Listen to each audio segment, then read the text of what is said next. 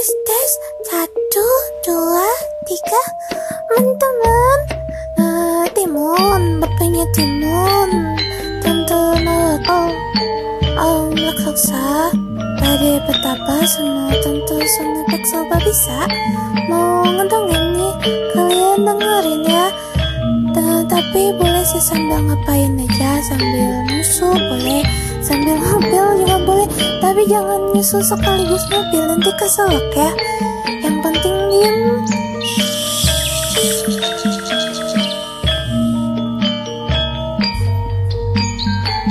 Alkisah Pada zaman dahulu kala Hiduplah seorang petani tua bernama Mbah Sirno Di sebuah desa kecil. Ia bekerja sebagai petani. Ia menginginkan seorang anak agar dapat membantu dan menemani ia bekerja Akhirnya pekerjaanku di ladang hari ini sudah selesai. Seandainya saya memiliki seorang anak, pasti saya tidak selelah ini. Suatu hari ia didatangi oleh seorang raksasa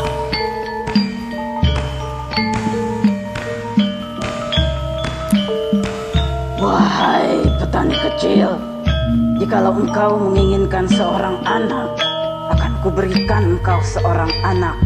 Akan tetapi dengan syarat, apabila anak itu berusia enam tahun, harus diserahkan kepadaku untuk disantap. Mbah Sirno sedikit ketakutan Namun keinginannya memiliki anak sangat kuat Ia menjawab dengan terbata-bata Baik, Tuan. Saya setuju dengan persyaratan Tuan. Ini biji mentimun. Rawatlah biji ini di ladangmu.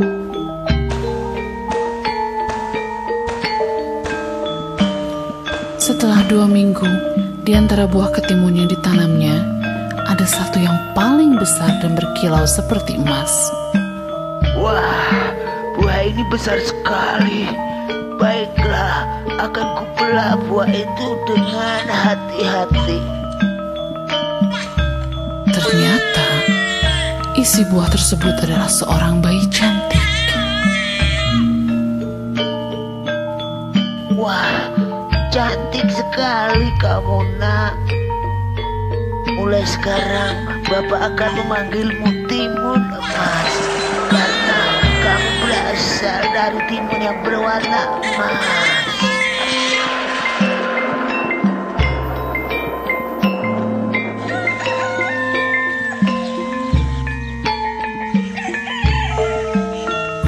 Semakin hari, Timun Emas tumbuh menjadi gadis jelita yang rajin membantu bapaknya.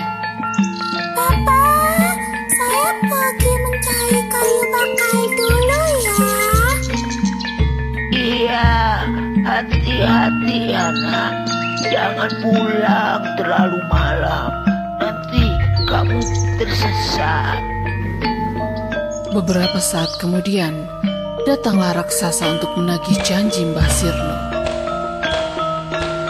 Wahai petani tua, saya datang ke sini untuk menagih janjimu enam tahun lalu. Cepat, serahkan anak itu. Sekarang saya ingin memakan seorang bocah.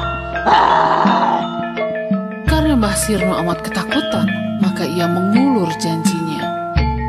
Begini tuanku Saya punya saran Maukah anda datang ke sini dua tahun lagi Saya yakin Bila semakin dewasa Anak ini pasti semakin enak untuk disantap Hmm, bagus juga saranmu. Baiklah, saya akan datang ke sini dua tahun kemudian untuk menagih janjimu. Jangan lupa.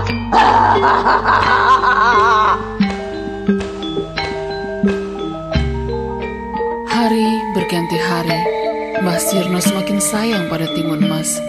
Namun setiap kali ia teringat akan janjinya, hatinya pun menjadi cemas dan sedih.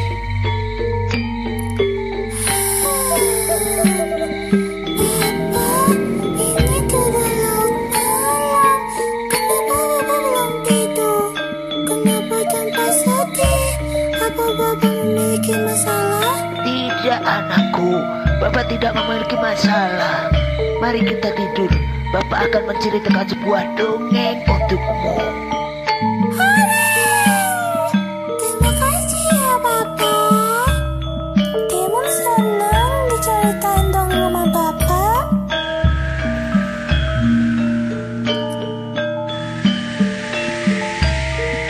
Suatu malam, Mbah Sirno bermimpi. Agar anaknya selamat, ia harus menemui petapa di Gunung Gundul.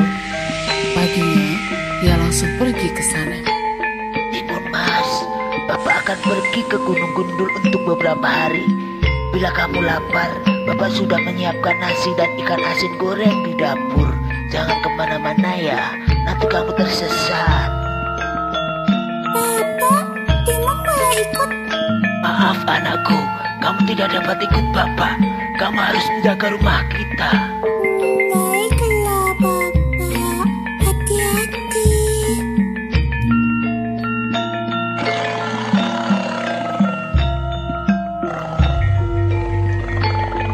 Setelah Mbah Sirno sampai di Gunung Gundul, ia menolong seseorang yang hampir terjatuh dalam sungai. Ternyata orang tersebut adalah seorang petapa. Iya, terima kasih. Engkau telah menolongku. Ternyata engkau seorang yang murah hati. Ini kuberikan buah-buah bungkusan kecil. Masing-masing di dalamnya terdapat biji mentimun, jarum, garam, dan terasi untuk menyelamatkan anakmu dari raksasa. Namun ketika Mbah Sirno mau mengucapkan terima kasih, petapa tersebut menghilang begitu saja. Terima. Ke mana orang tadi? Mbah Sirno pun pulang ke rumahnya. Sesampai di rumah, ia menceritakan semua yang telah terjadi kepada Timun Emas.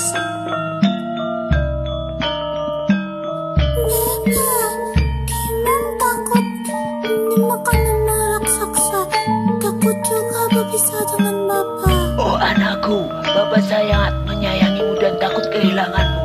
Ini, bungkusan ini Bapak berikan untukmu. Gunakan ini saat kamu berhadapan dengan raksasa itu. Sebelum itu, berdoalah kepada Sang Pencipta untuk diberikan perlindungan darinya. Iya Bapak, Timun akan berusaha mengikuti saran dari Bapak. Iya anakku. Paginya, raksasa datang lagi untuk menagih janji. Wahai petani tua, hahaha, aku datang ke sini untuk menagih janjimu. Cepat serahkan anak itu. Aku amat ingin memakannya. Hahaha. Anakku, cepat lari dari pintu belakang rumah kita.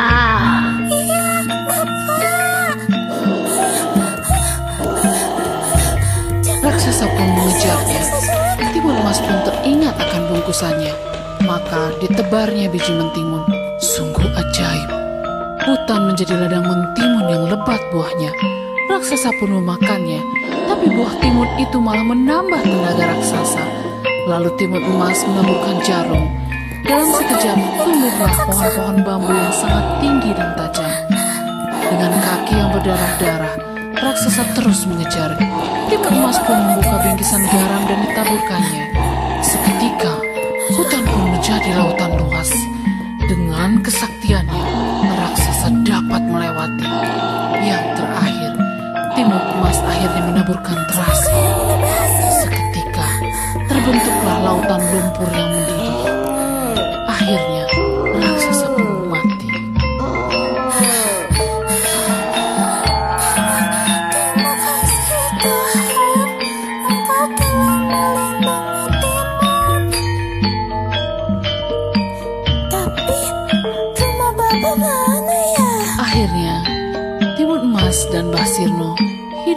bahagia dan damai.